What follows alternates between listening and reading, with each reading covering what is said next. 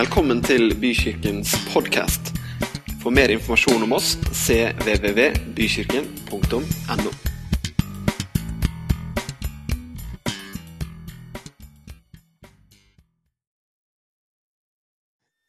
La oss be litt først. Takk, Jesus, for at du er her. Takk, Jesus, for at du har et eh, budskap til oss. Takk, Jesus, for at du skal tale gjennom meg nå. Amen. Gud og jeg, ja. Det er temaet tema vi har hatt en stund i, i Bykirken. Og det er mye vi kan prate om ut fra det.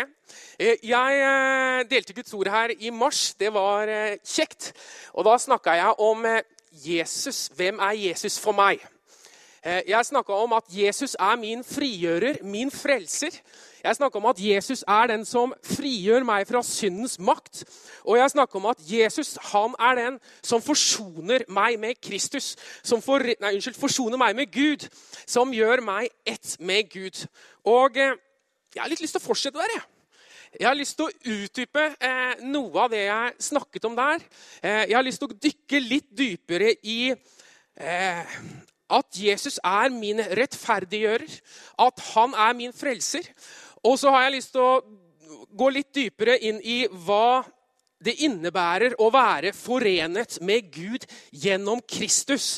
Hva det innebærer å leve et liv i fellesskap, i Guds kraft, i Kristi kropp. Så tenker du kanskje hvorfor snakke om det på nytt igjen, da. Eh, Men eh, det er sånn at jeg er litt opptatt av disse temaene her. Eh, Jeg liker å være der.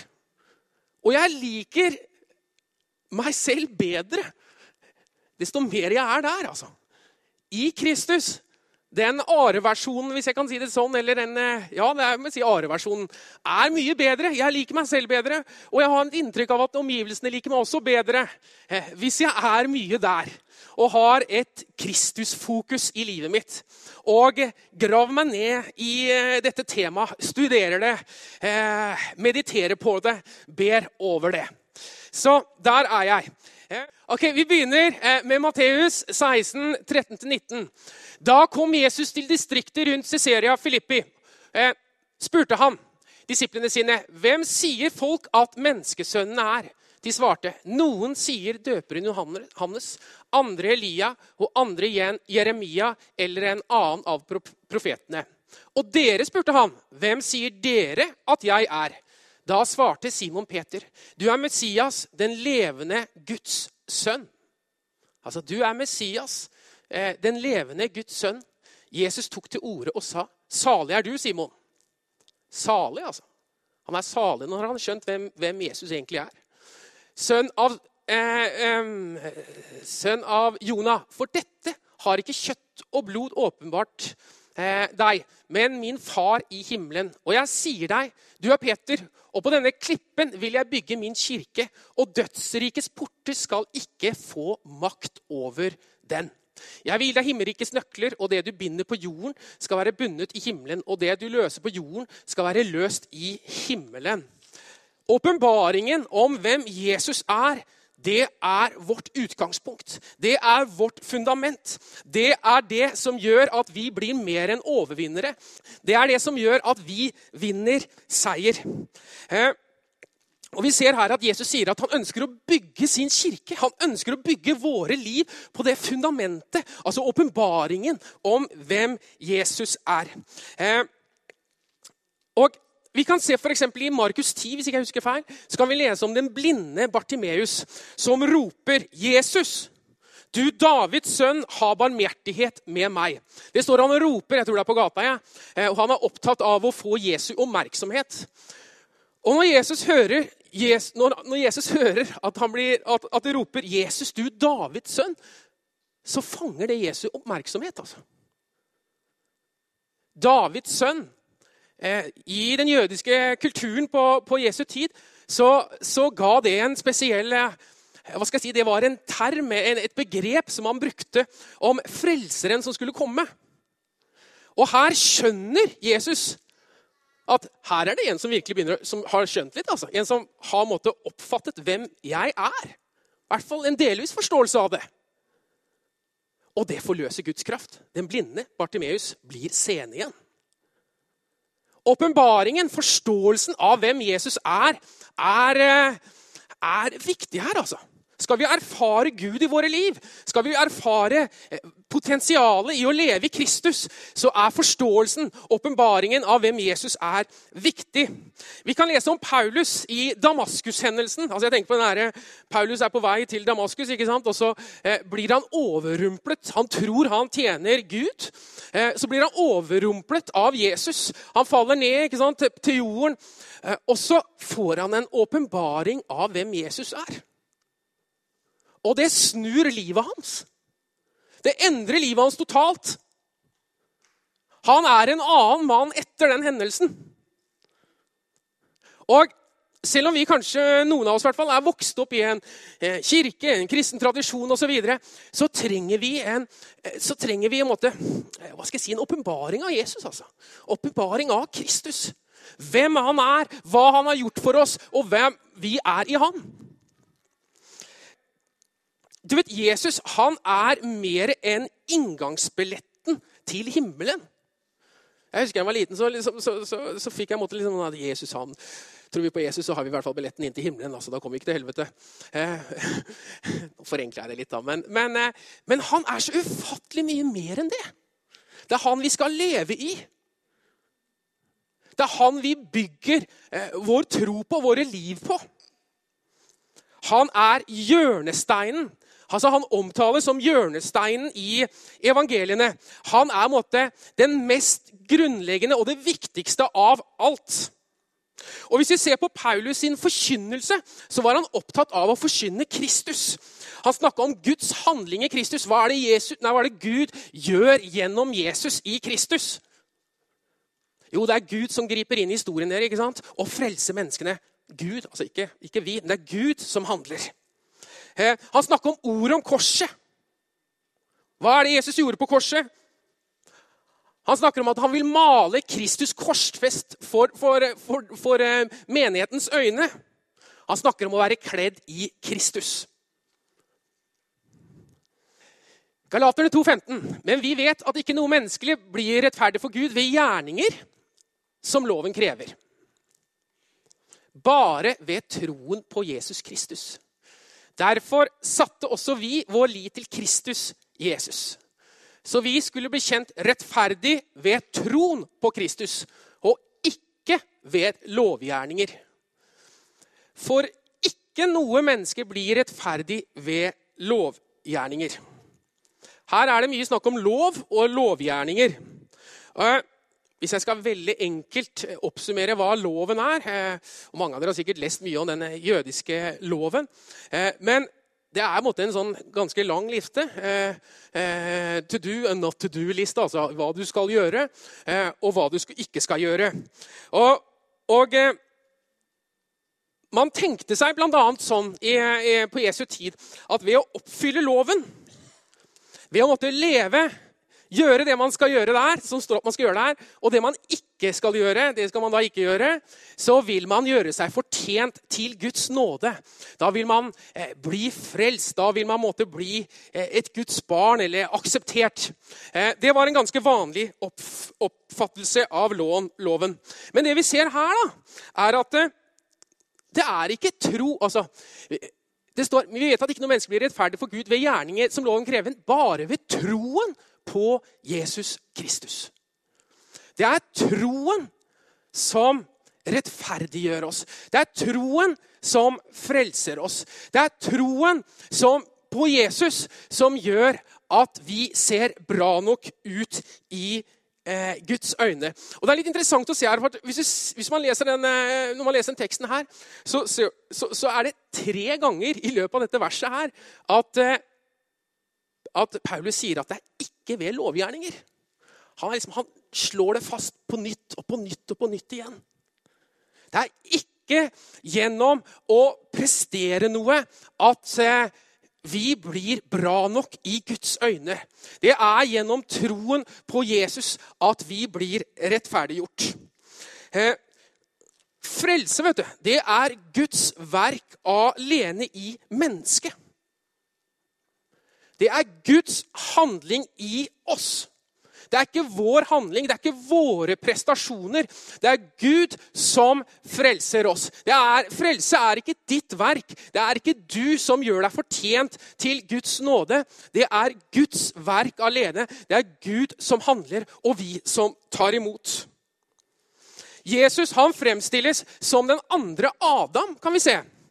Han, den første Adam han, skapte, eh, han førte synden inn i verden.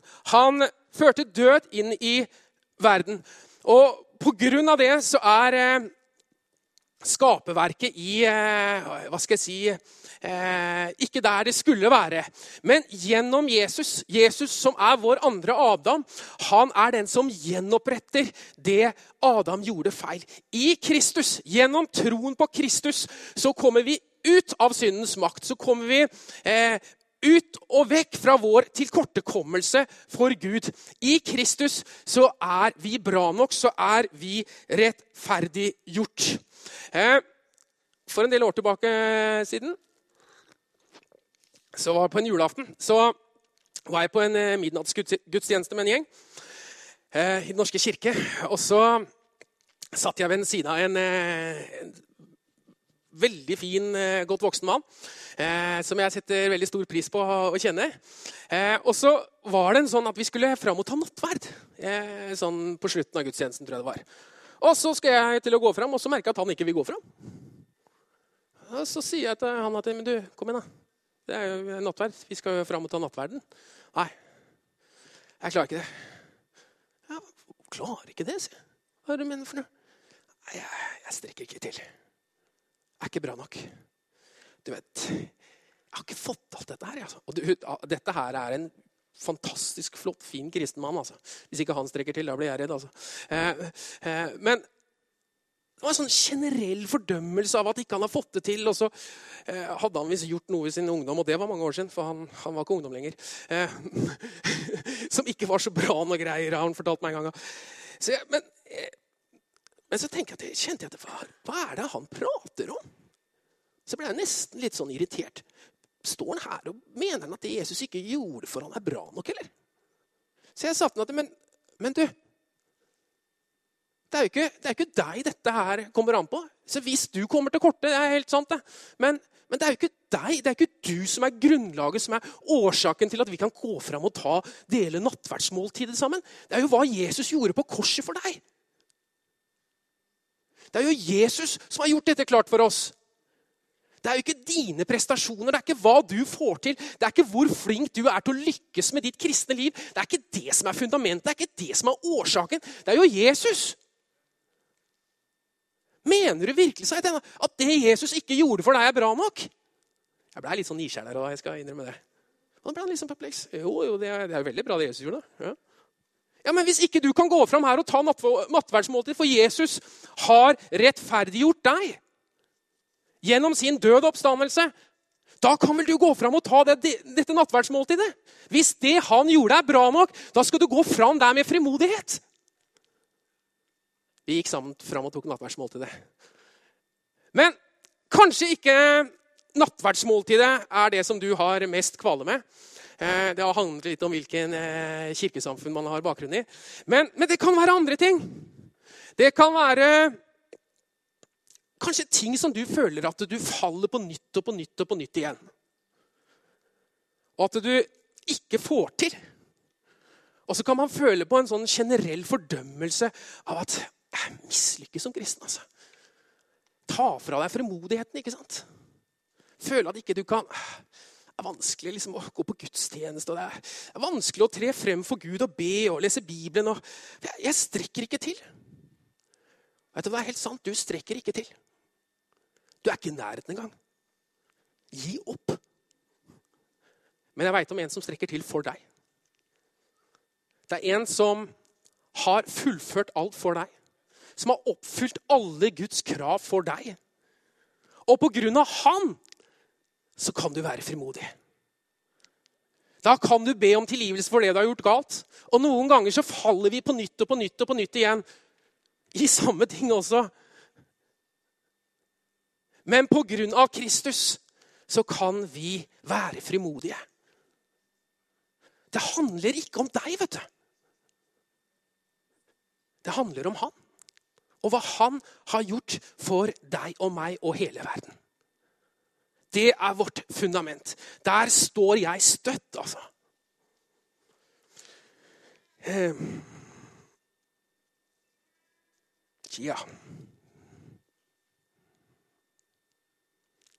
Rettferdiggjort, ja. Hva innebærer det? Du vet, som det ble sagt, Erik er som de fleste vet, jeg er jo lærer, så, så, så lærere de er ofte opptatt av konkreter ikke sant, og eh, forklare ting ved hjelp av liksom, symboler eller bilder osv. Så, videre. så Så jeg skal liksom prøve nå å få illustrere da, hva, eh, sånn metaforisk, sånn billedlig, eh, hva, eh, hva rettferdiggjort er. Hva det innebærer å være rettferdiggjort. Eh, Glasset symboliserer her Vi ser et glass ikke sant? Eh, som er fullt til randen av vann. Men hvis vi først fokuserer bare på glasset og ikke vannet, så, tenke, så, så tenker jeg meg at alt som skal til, altså det glasset, Hvis det glasset er fullt, så er det alt som skal til for at Gud er fornøyd med deg.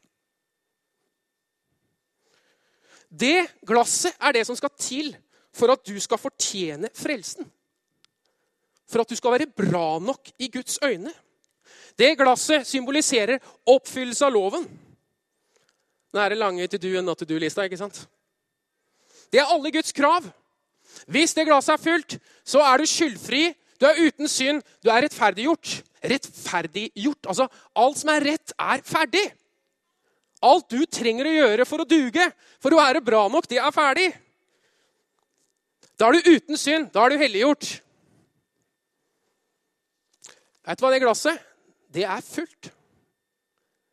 Ikke fordi at du har vært så fantastisk, men Jesus har fulgt det for oss. Det er fullt helt til randen. Du ser det renner over. Det er ikke mer du kan fylle på der. Alt du prøver å fylle på der av gode gjerninger, det er ikke for at du skal se bedre ut i Guds øyne. Det er ikke for at du skal måtte være bra nok. Det eneste du gjør gode gjerninger for, er at det er bra for deg og det er bra for mennesker rundt deg.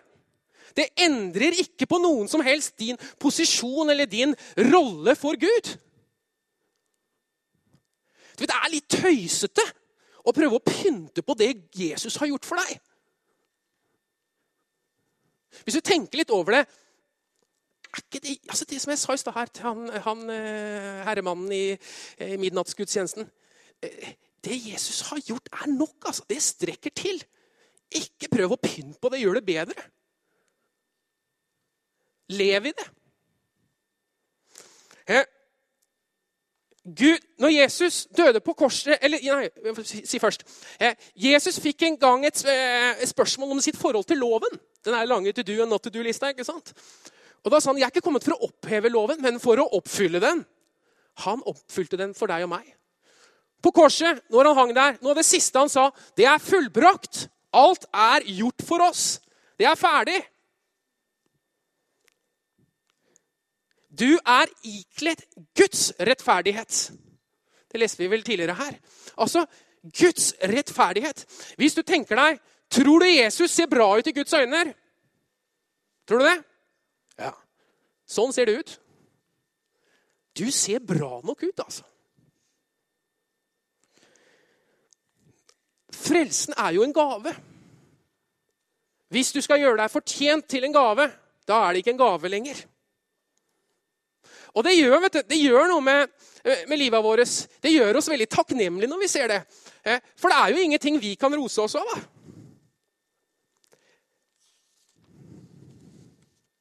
Vi kan ikke påvirke eller endre vår stilling fremfor Gud. Eh, og det får sånn som meg, vet du. Eh, hvis kona mi hadde sittet her, nå er hun oppe på søndagsskolen her, eh, så ville hun sikkert ha nikket. Altså, det, det får en til tider litt uh, utålmodige. Jeg ser at min mamma sitter her, litt småhissige. Jeg veit hvor jeg arver det fra. Uh, Nei da. Jo, det er litt sant, da. Men Og hva skal jeg si Slenger med leppa-fyren. Det får han, altså meg, til å se helt strålende ut. Det er ikke alle andre som ser det alltid. Men, men, men i Guds rettferdighet, så ser jeg helt strålende ut. Gud ser på meg og tenker mm, veldig fornøyd, altså. Veldig fornøyd. Og det handler ikke om at jeg skal være stolt eller hovmodig. Det handler om å være bevisstgjort på hvem jeg er i Kristus. Og så handler det om å tenke på at det, det er ikke jeg, men det er han. Det er han alt står og faller på.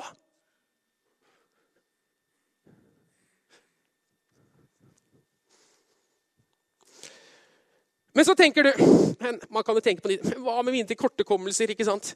Jeg er jo ikke bra nok. Jeg strekker ikke til. Altså, jeg har jo mislykkes på så mange områder. Det er visse ting jeg strever med, og som jeg faller på nytt og på nytt og på nytt igjen. ikke sant? Jeg strekker jo ikke til. Jeg er ikke bra nok. Og du har jo helt rett. Du er ikke bra nok. Gi opp. Du fortjener ikke Guds nåde. Det er ingenting i deg Det er ille å si det, altså. Det er meg og deg. må si det. Ja. Men det er ingenting i oss som gjør at vi fortjener Guds nåde. altså. Det er ikke sånn at frelsen er liksom, forsoningen er liksom deg og meg, eller ikke deg og meg, da, men deg, menneskeheten og Gud som måtte møtes på midten, og så skal vi prøve å forsones. Det er Gud alene. Det er ikke du som møter han, det er han som møter deg. Det er han som er den handlende. Det er han som er initiativtakeren. Og alle dine tilkortekommelser, alle dine feiltrinn, det har Gud allerede dømt i Kristus. Altså Når Jesus hang på korset, så tok han din og min straff. Så hvis du allerede er dømt i Jesus på korset, hvorfor da gå rundt og fordømme seg selv eh, når du allerede er dømt? Sånn som denne herremannen i, i, på midnattsgudstjenesten som gikk sånn generelt og bare fordømte seg sjøl. Jeg strekker ikke til. Det er, det er ikke bibelskrevet, det er ikke, det er ikke ydmykhet, det. Eh, det, det. Eh, du er dømt. Jesus har tatt din dom. Ikke gå og bær på den lenger. Det handler ikke om deg, hvor vellykket du er, men han. Nåden og frelsen er ufortjent. Og du vet, hans verk er bunnsolid, altså. Det strekker til. Det er nok. Ja, vi tar eh, skal neste bilde her.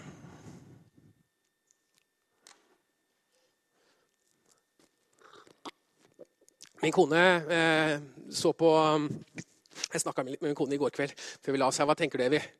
Så sa jeg antroposentrisk. Hva er det du mener med det? Eh, det må du forklare. Det er ikke kanskje sikkert alle som, som, som, som, er lærere og som er med på det begrepet. Eh, men eh, antroposentrisk versus kristen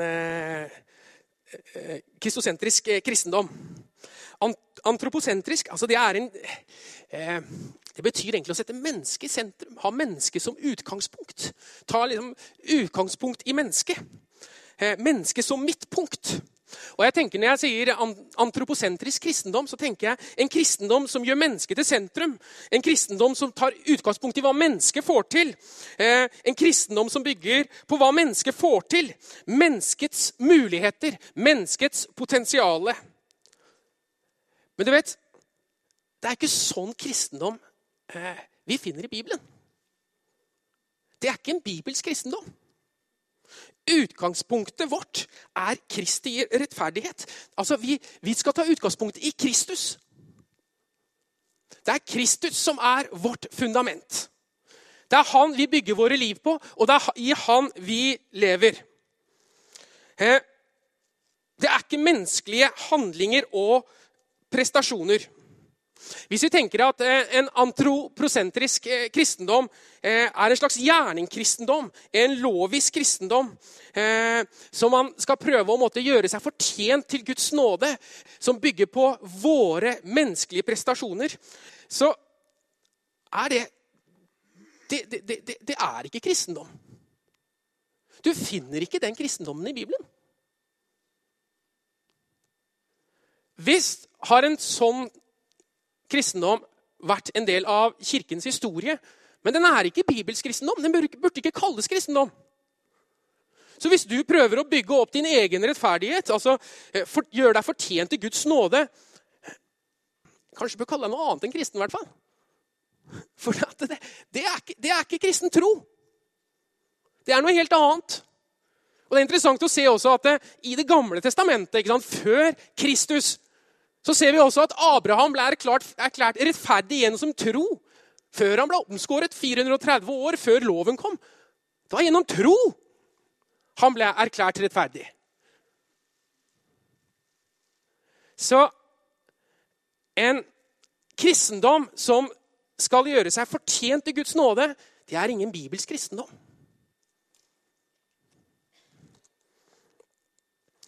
Eh, den behager ikke Gud. Og på mange måter kan man si at den, den, eh, den, den eh, kan, kan i måte virke som at det er nesten en sånn eh, tillit til Et uttrykk for en manglende tillit til hva Jesus har gjort for oss på korset. Du vet, Jesu død på korset det utelukker gjerningskristendom. Det dytter loven vekk. Det er ikke plass til både Jesus og loven. altså.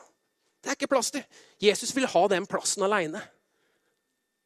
Han vil være inngangsdøren. Han vil være din frelser. Han vil være din rettferdiggjører. Eh, jeg vil bytte Nå har jeg snakka mye om, om eh, eh, at Jesus og, og, vår rettferdighet, altså den rettferdigheten vi får tildelt gjennom Jesu verk, det er vårt fundament. Men jeg vil snakke også litt om eh, livet i Kristus. Altså et antroposentrisk eh, versus kristosentrisk kristenliv. Eh, for det er jo sånn dere at, eh, at Åssen er det jeg har notert det her? Frelsen er Guds verk, men også kristenlivet skal leves i Kristus. Det er ikke sånn at det er bare som jeg sa litt tidligere, at Jesus er den som frelser oss. Men vi skal også leve livet våre i Kristus. Jeg ser noen lys i taket her, dere. Det er jo sånn at det, disse lyspærene de skinner ikke av seg selv. De skinner når de kommer i, med, nei, i kontakt med strøm, med elektrisiteten. Og eh, på samme måte som en lyspære er avhengig av elektrisitet for å lyse, på samme måte så bør våre kristenliv være avhengige av relasjonen med Gud. Relasjonen eh, Jesus tilveiebringer eh, for oss. Vi bør være, eh, Kristenlivet skal leves i Kristus, leves i Den hellige ånds kraft. I Efeserbrevet 2,13 så står det Men nå, i Kristus Jesus, er dere som var langt borte, kommet nær på grunn av Kristi blod. Jesus er den som gjør at vi kommer nær Gud. I Galaterne 2,20 så står det, så sier Paulus Jeg lever ikke lenger selv, men Kristus lever i meg. Kristus skal være den Altså, den, det, Gud selv, Guds kraft, Den hellige, hellige ånd, skal være eh, vår hva skal jeg si, kraft til å leve det kristne livet. Kristenlivet skal ikke bare leves i vår egen styrke. Livet i Kristus, leve i hans makt og hans potensial. Jeg har lyst til å være litt personlig. Jeg og Evy, kona mi, vi har et veldig godt ekteskap. Det har vi hatt eh, lenge. Eh, men det har ikke alltid vært helt topp, altså. Eh, jeg må innrømme at selv om vi har et veldig godt ekteskap så altså Jeg er vokst opp i Stokke, og hun er vokst opp i hvert fall delvis på Nøtterøy. Og det er 500 meter over den fjorden som skiller de to kommunene. Men noen ganger skulle en tro det var fryktelig mye lenger. altså. Men, men, men, men vi har det godt selv om vi er ulike. Men eh, hvis jeg tenker litt på, på, det utgangspunktet som jeg, eh, hvis jeg tenker litt tilbake på det utgangspunktet, så syns jeg ikke egentlig vi hadde et veldig godt utgangspunkt for et godt ekteskap. Evy eh, hun, eh, hun, er veldig åpen om dette selv, og hun sier at det er helt greit at jeg eh, snakker om det her. Men hun hadde med seg en del bagasje inn i vårt samliv. Og det skapte en god del utfordringer for oss. Altså. Ganske store utfordringer til tider hadde jeg kanskje noen småtteri jeg måtte endre på, men det var ikke så mye, da. det var spøk. det var spøk. Men Evy, liksom, eh, var litt skadeskutt, da. Eh, og det var jo ikke hun, hun hadde ikke noe skyld i det, men hun var ganske skadeskutt på mange måter. Eh, og, når hun giftet seg med meg, så, ble ikke det hennes utfordringer, hennes problemer alene lenger, men det ble våre utfordringer. Og det satte sine spor, og det skapte noen utfordringer for oss. Så i 2005 så Eh, som, som, sikkert alle har lagt merke til, så har vi et, en sønn som er multifunksjonshemmet. Eh, så skjedde en ulykke. Han var født funksjonsfrisk. Eh, og så fikk han en veldig alvorlig hodeskade som gjør at han er multifunksjonshemmet i dag og, og har både en stor kognitiv og motorisk skade. Når vi fikk det på toppen Jeg syns liksom ikke utgangspunktet var godt her, da. Jeg tenker at du henger med meg på det. Det, det, det, det var på en måte ikke det enkleste. Eh, og jeg tenker at det, det, at vi har et veldig godt ekteskap, for det, det kan jeg si, og det har vi Så, så, så, eh, så klart det skyldes bevisste valg, og at vi har jobba med vårt forhold. Eh, at vi har vært på familieleirer med ungdom i oppdrag og det ene og andre. Men det dreier seg også om at vi lever ekteskapet vårt i Kristus. Vi inkluderer Kristus i denne relasjonen. I Kristus vet du, så har vi et annet potensial, en annen kilde i møte med livets utfordringer. Vi har en helt annen kilde. Det betyr ikke at livet ikke er hardt til tider, og at det kan være vanskelig. Alle som har vært gift, i hvert fall alle som jeg har møtt, og som har vært litt ærlige, sier at ekteskapet til tider kan være krevende. Eh, men i Kristus så fins det en kraft der. altså. Det fins en strøm, som jeg snakka om her. ikke sant? Eh, den relasjonen der, den gir oss et annet potensial. Jesus har sammenføyd oss med Gud. Jesus ber en bønn en gang hvor han snakker om at vi skal være ett. Og så snakker han om at vi også skal være ett med Faderen og Han. Jeg tror det fins et utrolig potensial der. altså. Jeg tror jeg bare har smakt en bitte liten del av det. egentlig. Leve tett på Han. La Hans kraft få strømme gjennom livet mitt. Jeg eh, og Evy pratet med en journalist på mandag. Vi gjør vanligvis ikke det. bare så det er sagt. Jeg tror det er første gang vi gjør det òg. Jo, det er det første gangen. Eh, men hvis jeg spoler litt tilbake til ulykken i 2005 så eh, satte, altså jeg, Etter den ulykken så satt jeg og tenkte og jeg tenkte ganske lenge Vil jeg noen gang bli lykkelig igjen? Går det an å bli lykkelig etter dette her? Og det var veldig vanskelig å rømme fra det også. At man, man, kan se en ulykke, ikke sant? man kan være til stede, eller man kan høre om eller ha noen venner som erfarer en ulykke, sånn som vi hørte om akkurat i, i begynnelsen av møtet her, som vi ba for. Men det å bli konfrontert med det hver eneste morgen når du står opp, det første du gjør, er å inn for å stelle et multifunksjonshemmet barn som har vært helt friskt. Det, jeg jeg syns ikke det var det beste utgangspunktet for, for, å få et lykkelig liv. Altså. Det var ikke det jeg hadde tenkt meg. da. Men jeg sa til den journalisten Du vet du hva? Visst bærer jeg på en sorg for det som skjedde da. Visst er det, er det, vondt, holdt jeg på å si, og, og sånt? Men allikevel må jeg si at jeg er lykkelig. Jeg har et godt liv. Det er godt å være Are, dere. Og det skyldes så klart at jeg har jobba med meg selv. Eh, det skyldes så klart at eh, vi har tatt noen valg, og vi, vi har gjort sikkert mye riktig. Eh, og nå sitter sikkert mamma, mamma og tenker at ja, vi har passa de ungene så mye at det, vi skal ha Nella Taka, vi òg. Og det er sant, det, altså. Men, men det handler også om Kristus-relasjon. Det å leve tett på Kristus, være ett med Kristus.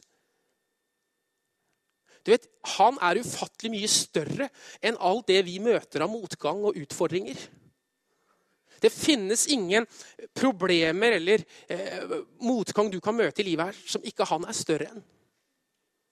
Og jeg, som sagt, jeg vil være, foreng, jeg vil være forsiktig nå å forenkle her. Altså, det, det, det, har jeg ikke lyst til å gjøre. Eh, og som jeg sier, at, at, det har vært tøft. Men jeg kan si med hånda på hjertet at jeg er lykkelig i dag. Selv om man kan jo kjenne på den sorgen her òg. Det, det, det kan man gjøre. Men i Kristus så finnes det et potensial. altså. Så finnes det en styrke, så finnes det et liv. Det er, ikke, det er han det først og fremst kommer an på. Det er ikke min bakgrunn, det er ikke mine utfordringer, mine vanskeligheter, hva jeg har blitt påført av lidelser og det ene og det andre. Det er han. Det er i han. Han er min styrke. Som Paulus sier, 'Jeg lever ikke lenger selv, men Kristus lever i meg'. Neste bilde her. Skal jeg straks avslutte. Bade i Kristus, ja. Det er sommer snart. Jeg syns det bildet egnet seg. Eh, jeg tror det er viktig å bade i Kristus. Som jeg sa innledningsvis, at eh, desto mer jeg bader i Kristus, desto bedre liker jeg meg selv. Og jeg syns ikke jeg var så verst i utgangspunktet heller. Nei da. ja, men altså, jeg, I utgangspunktet er jeg ganske fornøyd, men, men jeg syns jeg blir veldig veldig mye bedre. Altså, Jeg ser mine svakheter, og sånn, men, men, desto mer jeg får av Kristus av meg, desto bedre blir det. Eh, men jeg, jeg, tror det er viktig å løfte blikket vårt, dere. Eh, hva, og se hva han har gjort for oss, hvem vi er i han, og vår relasjon til han. Vår relasjon til han som jeg om i det siste, er hvor viktig den er for å klare livets utfordringer. Når livet er tøft, brutalt og hardt med oss. For det er det, det er det med de fleste av oss til tider. Så er relasjonen til han altså viktig. Eh, hvis vi ser på, Jeg liker veldig godt å lese Galaterbrevet og Romerbrevet. altså Paulus brev til Galaterne og romerne. Altså. Eh, hvis vi ser på dem, så er Det egentlig bare alt, det meste av det som står i to brevene, der, er bare et stort dypdykk altså, i Kristus. Det er bare liksom i Kristus og Kristus og det gjennom. det er Kristus alt sammen. Nesten, i hvert fall. Og hvis vi ser Bibelen, så er det på mange måter er det egentlig hele Bibelen handler om også. Det bygger seg opp til et klimaks. og Det er evangeliene og Jesu død og oppstandelse. Og så ser vi, leser vi alle apostelens gjerninger etterpå, og brevene. så han, De peker tilbake på Kristus. Og alt før nesten peker frem på Kristus. Det har måte, et sterkt Kristusfokus. Så det å bade, det å måtte dykke ned i disse her, studere dem, meditere på dem, forsyne dem, snakke om det, det, det, det, gjør noe med oss. For meg så oppleves det litt, Jeg vokste opp med en far som er bonde. Eh, og når det var tørt på sommeren, og det var tørt lenge, så snakka han om hvor viktig det var med rotbløte. Og en rotbløte er ikke bare liksom litt regn, ikke sant? men det er eh, at røttene blir liksom fulle av vann. For hvis de blir fulle av vann, så vokser disse kornaksene, og så blir det en stor innhøstning. Og jeg tror at Hvis vi skal vokse i Kristus, hvis vi skal vokse som kirke, hvis vi skal vokse i livet våre, og hvis vi skal bære mye frukt Gud, så, eh, for Gud og i Guds rike, så må vi være hva skal jeg si, bade i Kristus. altså. Vi må få Kristus malt for våre øyne. Jeg tror ikke som Jeg sa, jeg er egentlig ganske jeg er overbevist. Jeg hadde ikke vært lykkelig i dag. jeg tror jeg hadde hatt, godt sikkert hatt et bra liv, men, men etter ulykken så, så, så, så, er min relasjon til Kristus er avgjørende her. altså. Det er ikke meg, vet du. Det er ikke jeg som har lykkes her. altså. Det er han som har lykkes. Og Desto mer han får prege livet mitt og forme livet mitt, desto bedre blir det. Så jeg tenker La det vi forkynner her, og det vi snakker om, og det vi studerer, la det være ha, ha ofte et Kristus-fokus. Og det jeg tenker på Vår historiske tradisjon har jeg, har jeg skrevet her, har stor tro på hva Gud kan gjøre i mennesker. Hvilke muligheter som finnes i Kristus. Evangeliesentrene, selv om det er mange der, et flertall kanskje, som jeg hører, går ut der og får ikke sine liv øh, kommer ikke på rett sjøl, eller eh, havner tilbake igjen i et alkoholmisbruk, eller det ene og andre, så er det allikevel mange som blir forvandlet, og som får et nytt liv. Og vår tradisjon, den kristne kirke, er preget av en sterk tro på hva Gud kan utrette i mennesker. Ikke en, en antroposentrisk eh, hva skal jeg si, At mennesket selv har stort potensial, men at Gud har stort potensial. Jeg leste nylig en bok av en som heter Erik Betran Larsen. Han skriver en bok som heter 'Bli best'. Han er eh, mental trener og jobber med, eh, jobber med bl.a. Eh, toppidrettsutøvere i Norge. Veldig bra bok, egentlig. Men når jeg leste den, og jeg syns jeg fikk mye ut av den, egentlig, eh, men ikke noe sånn åndelig, altså, men, men, men det var mange bra og gode tips der. Men så tenkte jeg etterpå her Visst var det bra, men det er jo noe helt annet, for han snakker om ditt potensial. Hva du kan få til. Det. Når du liksom yter maks, så yter du egentlig bare 70% eller jeg husker ikke, av hva som egentlig finnes der av potensial osv. Men det er ikke det dette er snakk om. Det er ikke snakk om ditt potensial. Det er ikke snakk om hva du får til. Det er ikke snakk om deg, det er snakk om han. Hvis vi ser på Peter på pinsedagen, da. han som forrådte Jesus det er, det er, kjekt å se han fylt av Den hellige ånd. altså. Det er ikke den samme Peter lenger. I Kristus så får vi del i hans kraft, i hans liv, i hans potensial. Jeg tror vi, dere, vi bør se på oss selv og vi bør se på andre med sånne Kristusbriller. vet du. At vi ser Når vi ser på mennesker og når vi ser på meg, så bør vi se hvem vi er i Kristus. Da, da, da, da blir vi litt annerledes. Da fylles vi av tro, ikke på våre egen eh, muligheter og vår egen kraft, men på Han. Hvem vi er i Han. Du vet, Kirken er kalt til å formidle Kristus. Til å forkynne Kristus. Og jeg tror det ikke er bare utenfor Kirken, men også i Kirken. Amen.